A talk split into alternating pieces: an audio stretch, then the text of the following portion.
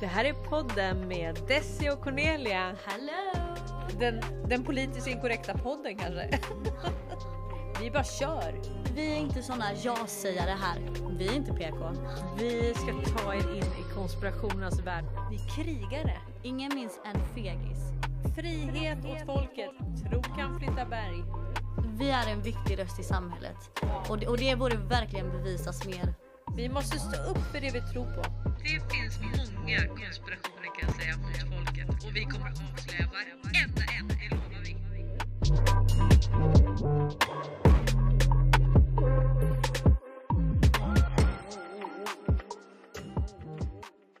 Hej Desi! Hej! Allt bra? Allt bra idag? Suveränt att höra. Du, vi har ett fullspäckat schema idag. Mm, det är mycket att göra nu. Och vi fick ju så fina recensioner. Ja, det är helt underbart att läsa. Det värmer så mycket i hjärtat. Att eh, folk faktiskt uppskattar och eh, ja, men orkar lyssna på oss. Ja, men alla, alla gör ju inte det. Nej. det här är, den här podden är ju inte för alla. Nej, det är inte så. Utan vi får vända oss till eh, de som eh, ja, är med på vår resa. Helt Ja. enkelt.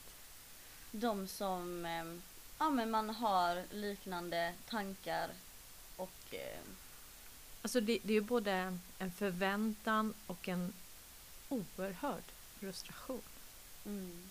Vi vill ju bara att det ska hända nu. Ja, alltså, Igår. Alltså vi ja, har väntat ett år.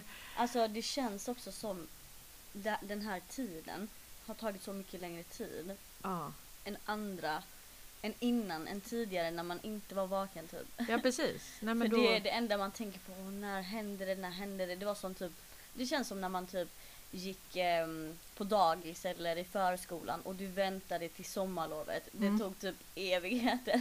ja, Sen när du blir äldre så var det bara, ah, det är sommarlov liksom. Vem Ja. bryr sig typ. ja. Hur tycker du att det här eh, att vakna upp, alltså hur känns det bland dina, de du har liksom hängt med? Alltså det har jag känt väldigt jobbigt för att allting, du blir typ som en ny människa. Alltså ditt gamla jag typ lägger du åt sidan. Du typ, ja men kastar den i papperskorgen. alltså, och sen så blir det ju ditt nya jag. Och då måste du ju omvärdera allting. Du måste mm, hitta dig själv och, och vad som egentligen händer och du måste följa allting. Hitta vem du är, vad ditt syfte är och omge dig med människor som kanske inte påverkar dig negativt. Så det har varit jätte det har varit jättejobbigt för mig det- här äh, året faktiskt. Att ähm, förra året då 2020 att vakna upp. Mm. Men det är ju tur att vi har vår familj. Mm, ja, Vi har vårt verkligen. community och det är Mm. det som håller oss uppe. Alltså att vi kan uppmuntra varandra, vi kan trösta varandra och vi kan förstå varandras eh, känslor. och Så man ser ju ibland på kommentarerna, okej nu har den personen lackat ur, trött, tröttnat. Men då hjälper man varandra liksom. Ja. Och det är det som är så underbart att det är man genuint vill hjälpa utan Ja. man gör det inte bara för att utan man Nej. ser en kommentar, va? Vad skrev det där äh, dumskallen liksom eller vad Ja. man ska kalla det. Och så går man in och stöttar varandra liksom. Precis. Ja. För det, jag har ju varit väldigt utsatt i, i många trådar. Mm. Eh, och nu här var det ju en som, som tog bort mig som vän och, och sådär. Och, och det... Det är när folk sover så djupt Mm, då, alltså vår uppgift är ju att väcka folk att vara med på den här resan med the great awakening och när man ser sådana kommentarer som eh, ja du är en konspirationsteoretiker, du är en foliehatt, hur tänker du nu? du är dum i huvudet. Ja då vill man hjälpas åt för man vill ju väcka den personen Mm. men för en del så känns det ibland som att det är, det är typ helt kört liksom. Men då, om vi tänker så här. Vi har ju haft väldigt lång tid på oss ändå. Ett och ett Mm. halvt år på att liksom ja men du vet eh, smälta det här. Smälta det ja. Ja, Mm. tänk de som Jag tänker att vi får vara Vi får vara schyssta liksom mot de som eh, vaknar upp nu och kanske har liksom inte varit så schysst mot oss. Men, men Ja, nu måste vi vara stora i det här. Du, vi ska prata om adoption idag. Mm. det kom ut idag på, på SVT igen om, om de här chilenska barnen. Mm. Och eh, jag är ju adopterad. Jag var åtta månader när jag kom till eh, min familj som jag har växt upp i med tre underbara syskon. Och, eh, men det har varit... Eh, jag bodde på barnhem och jag bodde i massa fosterfamiljer innan det. Innan jag kom dit så att säga. Eh, och när jag var liten då kände jag liksom att folk såg att jag inte var på riktigt. Liksom. Så jag, jag vill gärna berätta det för hela världen för jag vill liksom inte det kändes som att de såg rätt igenom mig. Mm. Och att om jag inte berättade så ljög jag. Mm. Och min mamma sa alltid liksom att du behöver inte berätta för alla. Jag kände liksom att jag var tvungen att göra det. Mm. Berätta för alla att du är adopterad. Ja, det kändes som att de såg det liksom. Mm. Det var en gång som de sa eh, att eh, ja, men du och din syster är inte alls lik varandra. Mm. Nej, men eh, alltså då fick vi liksom prata bort det så. Då var jag äldre. Mm. Men när jag var liten, kom ihåg, då hade jag liksom ett behov av att berätta hela tiden. Mm. Mm. Och Alltså det här med adoption, man, man tänker så ja ah, men vi hjälper, vi hjälper utsatta barn. Men, men det är speciellt de som är, nu är jag ju adopterad från Sverige då. Mm. Men de som kommer från andra länder, det, det man gör är att man raderar ju på något vis hela anknytningen. Det är ingenting som egentligen kan reparera det. Du, du känner dig inte som svensk, du känner dig eh, inte som det land där du kommer ifrån. Um, du, du egentligen tappar dina rötter, du tappar din tillhörighet, du tappar ditt folk, du tappar ditt språk. För det är typ så ja men, eh, nej men den där äh, biologiska mamman kanske var alkoholist, äh, kanske var beroende av droger eller kanske bara inte var, var stabil i livet. Mm. Men hur känner du kring det? Ja men alltså hur, jag tänker så här. Alltså vad är det för samhälle vi har byggt upp liksom? Vem är det som förser alla med droger? Vem är det som profiterar från det här? Vem är det som har gjort folk beroende? Vem är det som splittrar familjer? Och det som är så hemskt, som det som har kommit fram nu, eh, det kom fram ny, ny information här i morse, alltså idag är det, torsdag, eh, då vi spelar in det här. Och, eh, och det, är ju, det rör ju som flera tusen barn.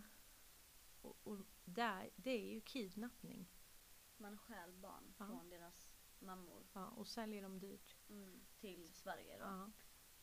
Och där har ju alltså Sverige fingrarna djupt ner i, i syltburken. Vi har ju varit delaktiga till att bygga upp hela det här systemet. Som min kompis, hon är ju då från, eh, hon är adopterad från Thailand. Och hon är adopterad i en svensk familj och hon känner sig inte svensk men hon känner sig inte som thailändare heller. Hon har åkt till Thailand flera gånger men hon känner sig inte som en thailändsk kvinna. Och när hon såg att detta kom ut, för det har kommit ut tidigare också att man stjäl ungarna och sen säljer det till län- länder. Då så tänkte hon ju, tänk så har jag, Blivit, så- ja, ja. blivit stulen. tänk så är, är jag den som är utsatt. Alltså, Ja. vem är min mamma? Nu, Mm. nu började hon tänka på det liksom. Att tänk så var inte min mamma dålig eller ville adoptera bort mig. Nej.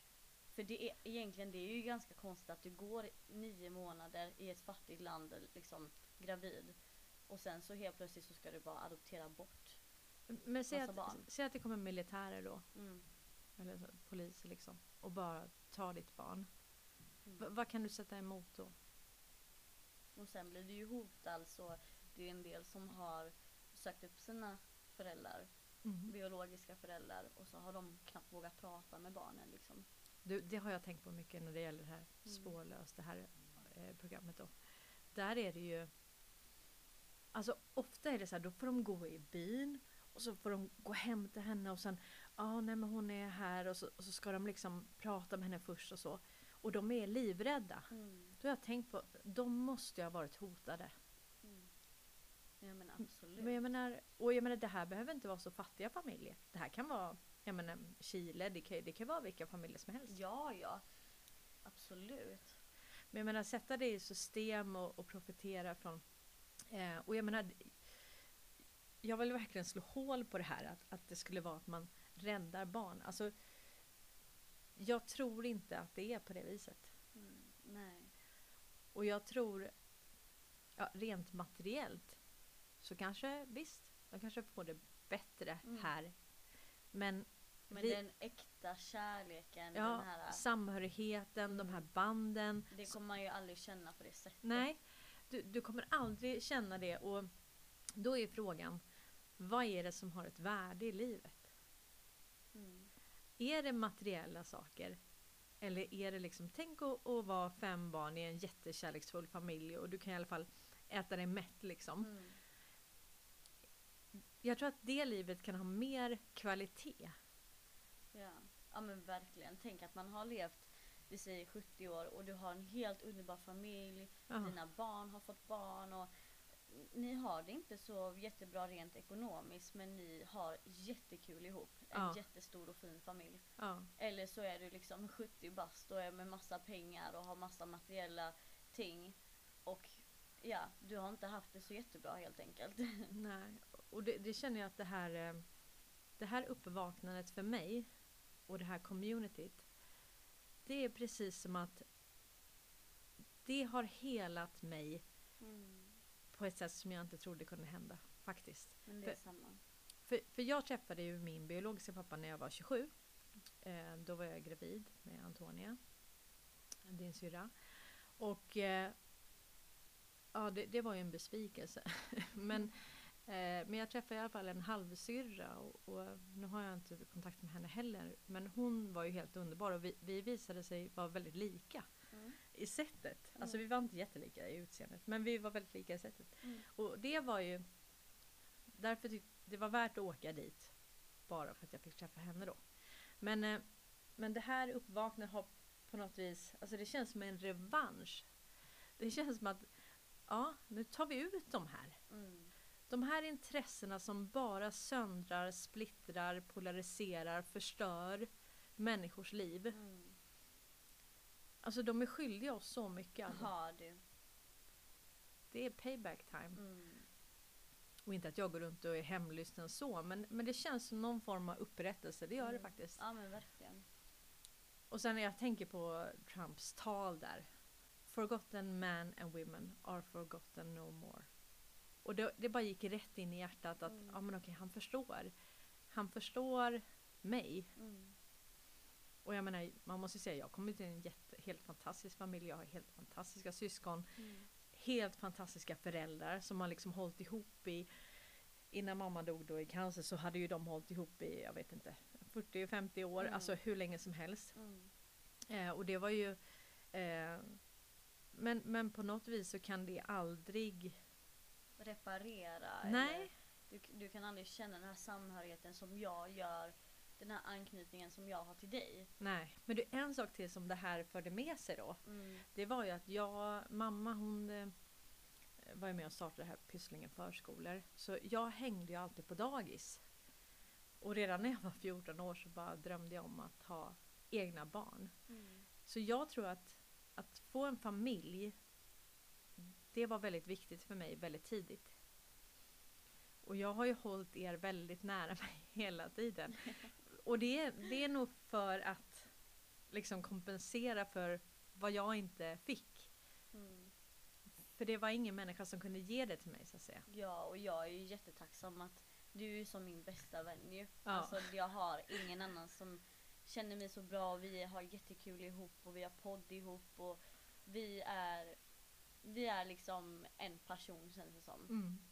Och eh, det känns så underbart och jag är så sjukt tacksam att ha fått en sån underbar fin mamma som är min min soulmate. Ja, men Mm. så, så är det verkligen. Och det roliga är att mina närmsta vänner i livet Mm. är ju också adopterade. Mm.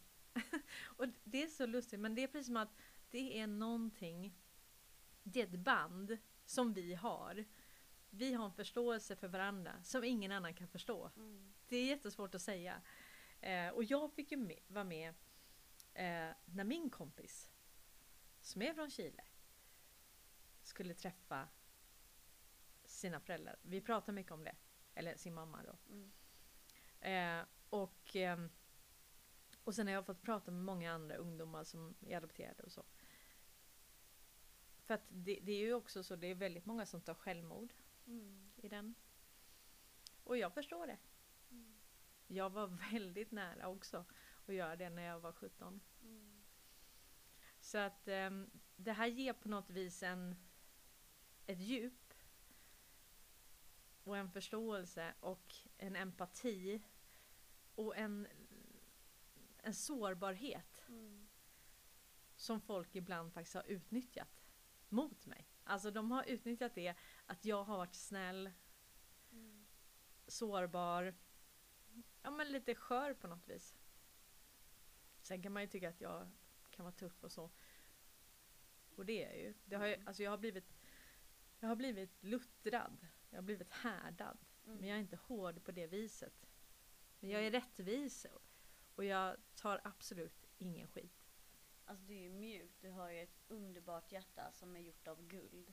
Men du är ju väldigt, väldigt hård och tuff. Mm. Och liksom, du markerar direkt, här går gränsen Mm. och du kommer inte längre. Nej, och för att rätt ska vara rätt för mig. Ja. Det, det är liksom... Eh, eh, så när jag vaknade upp till det här, Mm. då fanns det faktiskt... Eh, jag kunde inte göra något annat Nej. än att bara ställa mig på barrikaderna och bara det här står jag för. Jag Men vill, jag vill vara sann mot mig själv. Jag vill vara det. Men det finns inget som är viktigare just nu. Alltså vi är med i en biblisk tid och vi är med i the great awakening och att vi får vara med på resan och sprida detta. Ehm, jag har aldrig gjort någonting som är roligare. Nej, nej alltså roliga. Det här är så meningsfullt, Mm. det vi gör nu. Och det är på riktigt. Mm. Och det handlar om alltså både själ och hjärta och andligt. Mm. Det är liksom på riktigt. Och det är det som är så häftigt tycker jag. Men du, det här blev ju lite tungt. Ja. Det här blev liksom lite, vi blottar strupen här nu och eh, ja, visar vilka vi är. Jag kommer ihåg, jag hade ju inte berättat för er att jag var adopterad. Nej. Jag ville alla att ni skulle veta det. Nej. Och sen kom det fram till er från någon helt annan person. Mm. Och jag blev helt förstörd. Mm. Jag blev så ledsen. För jag hade liksom, ja, nu tycker jag att det var bra. Mm. Jag tycker att det var bra. Men just då tyckte jag att det var skitjobbigt. Alltså för jag, hade, jag ville på något vis... Eh, man vill ju bara vara på riktigt. Mm. För då, alltså för jag förstår ändå du tänker, för om du hade sagt det typ, kanske tidigare då kanske vi inte heller hade känt en tillhörighet till dem. Nej, Alltså på precis. det sättet. För Nej. när det, då förstod jag dig mer och jag förstod mer att Alltså det kändes också lite för mig att det här är inte min riktiga släkt. släkt heller. Nej. Ja, Och då förstod jag mer varför vi var så olika. Ja. Både i sättet och utseendet. Så jag, jag kunde ändå förstå väldigt mycket där att vi liksom kände inte samma tillhörighet längre när det kom fram. Nej, och det ville ju... Jag ville ju att ni skulle känna så med, Precis. med, med, med min släkt liksom. Mm. För det är ju den enda släkt vi har. Mm. Och det är ju det är min riktiga släkt. Mm. För, för vem är egentligen ens mamma? Det är ju den som har ja, tagit hand om en hel, hela livet. Och de syskon man har, det är ju de man har växt upp med. Så att jag har ju inte fått någon särbehandling. Jag har ju inte... Men sen är jag sladdbarn så jag är mycket yngre då. Men alltså jag... Jag är ju på riktigt Mm. i den familjen. Men samtidigt så är det någonting. Det här första åtta månaderna. Det här att hoppa från familj till familj. Att liksom inte ha fått den här anknytningen.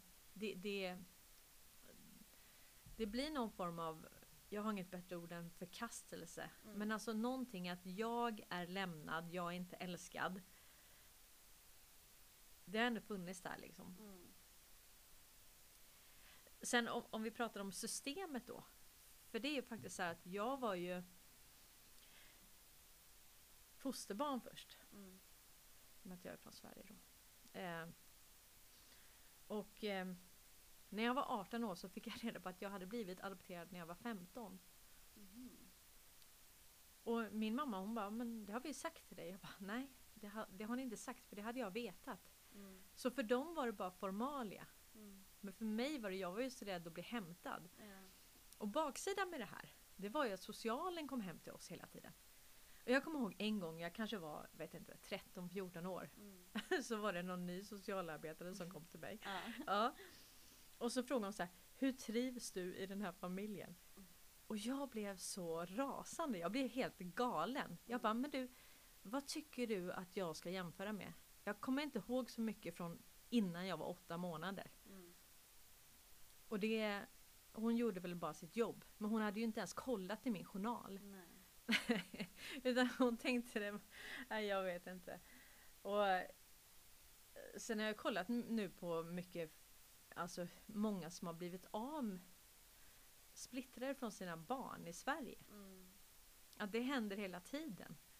Att man gör orosanmälan och så försöker man splittra familjer. Mm. Och det här måste ta slut.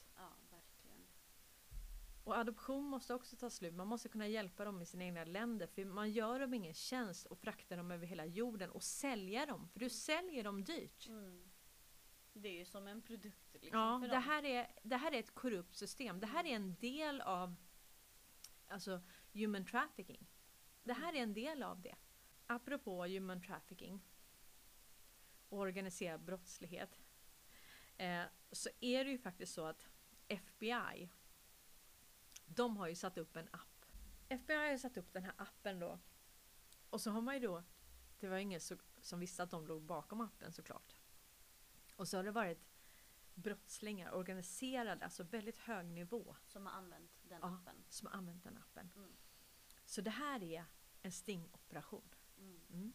Och det här var kopplat, det stod det såklart inte i svenska medier, men det här var kopplat till human trafficking också. Mm. Mm.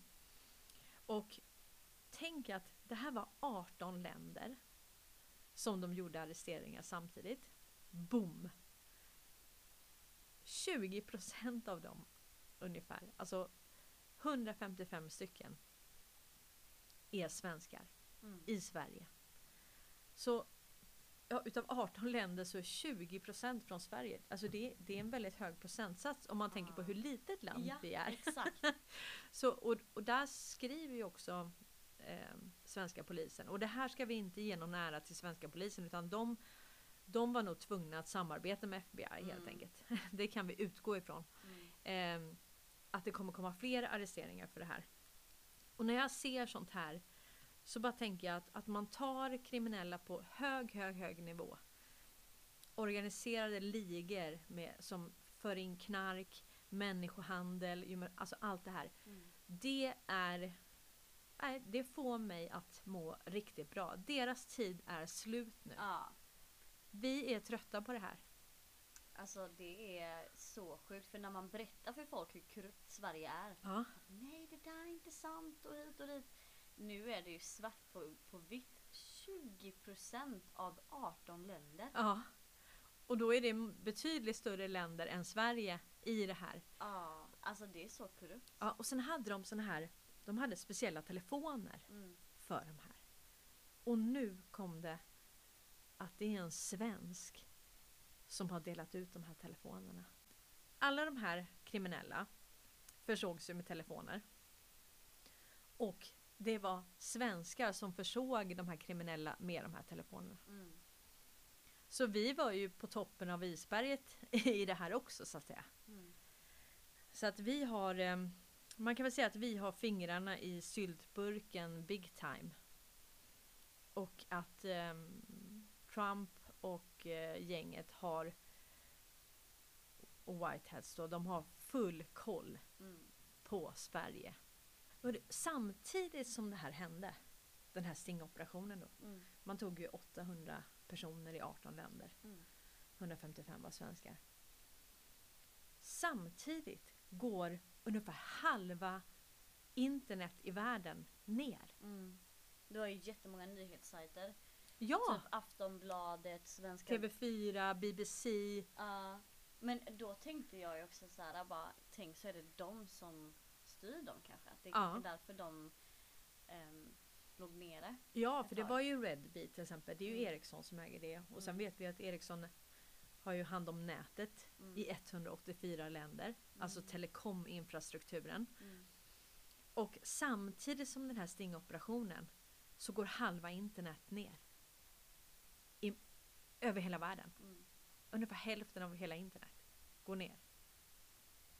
Det tycker jag är häftigt. Och sen är det ju någon, då eh, folk skrattade och skojade att det var Hultqvist, men det var ju någon väldigt hög som hade blivit, eh, han blev ju arresterad för brott mot landets säkerhet. Mm. Men sen blev han eh, frisläppt. Ja, självklart. Vi har inget rättssystem i Sverige så Nej. det är man inte förvånad över. Nej, alltså rättssystemet har ju byggt på att upprätthålla de här kriminella. Ja. För att jag menar det är klart att de Alltså vi pratar inte lite människor som, som smugglas. Vi pratar inte om lite knark. Och, och den typen av tillslag som har varit sista året. Alltså de volymerna. Det har vi aldrig sett. Alltså jag har aldrig sett det. det Men Sverige, är inte det typ så på andra plats med flest skjutningar i typ världen eller Europa eller vadå? Ja, det var i Europa. Um, om man kollar på SVT Nyheter så heter rubriken Sveriges dödsskjutningar i topp i Europa. Mm. Och då ligger Sverige i topp när det gäller dödligt skjutvapenvåld i Europa. Och det visar en ny rapport som Brottsförebyggande rådet presenterade den dagen då. Mm. Um, och det är ju sjukt för att vara så litet land egentligen. Men du, om du tar fram våldtäkter, alltså mm. grova våldtäkter, grova våldsbrott, så ligger vi i topp där också. Mm. För, för det var igår så kände jag bara så att jag kände mig så ledsen för att var jag än gick så var det liksom som att allting var så mörkt typ. Mm. Människor i den här staden, Malmö då, som jag bor i. Det kändes som att allting var så mörkt. De kan kalla sig kristna, de kan kalla sig vad de vill. Men fortfarande så är det den här ondska, egennytta, vill bara liksom ha pengar, makt och märkeskläder, snygga bilar. Det är liksom... Det är så ytligt är och, så, så, och så mörkt. Exakt, och det är inte den här genuina personen. Så, det är inte ofta sådana människor som man träffar. Nej. Kände jag igår. Och jag bara blev så här, bara, men jag bara tyckte så synd typ. Du ville bort? Ja, jag ville bort härifrån. Ja. Jag ville typ bo i ett samhälle där det är liksom normala människor som är genuina, glada. Ja men hela communityt i en stad, det hade ju varit ja. drömmen liksom.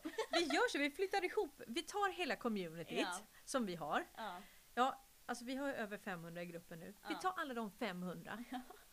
Och så bygger vi en egen stad. Och så blir vi självförsörjande. Mm? Det hade varit överkul. det finns ju en fantastisk människa. Eh, det finns ju många fantastiska människor i det här communityt. Men jag, jag tänker på, jag ska spela upp ett klipp som jag la ut med Ulf Bejerstrand. Mm. Ulf Bejerstrand, han är från Hässelby. Mm. Och det är jag också. Ja, jag är uppväxt här. Ja. ja.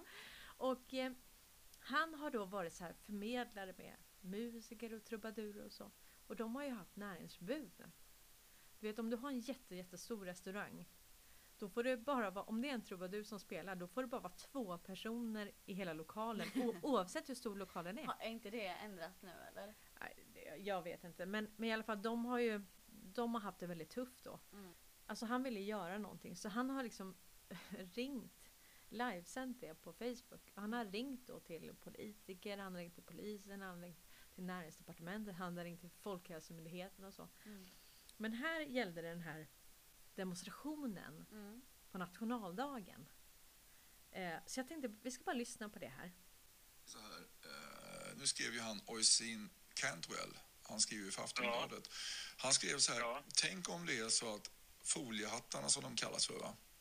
Tänk om det är de som är den enda motståndsrörelsen som finns och att de hade rätt i slutändan. Ja. Ja. Ja, det är någonting att tänka på. För att... Eh, ja, eller hur? Ja, eller hur? Det, oh, fan, vi behöver, vi behöver Filip och Max, vi behöver dem. Och så behöver vi polisen också. Ja, och så ändå ja. så det, får vi polis och Filip och Max och slåss med varandra. Och det blir ju... Jo, men det får vi ju via de här inskränkningarna i, grund, i, i grundlagen. Mm. Som är som är temporära. Förhoppningsvis i höst så är de borttagna. Ja, förhoppningsvis tas de bort, va? men vi har ju varit med om tider förr i tiden, för flera, jo, flera, jo, flera vet, år jag vet, sedan, jag vet.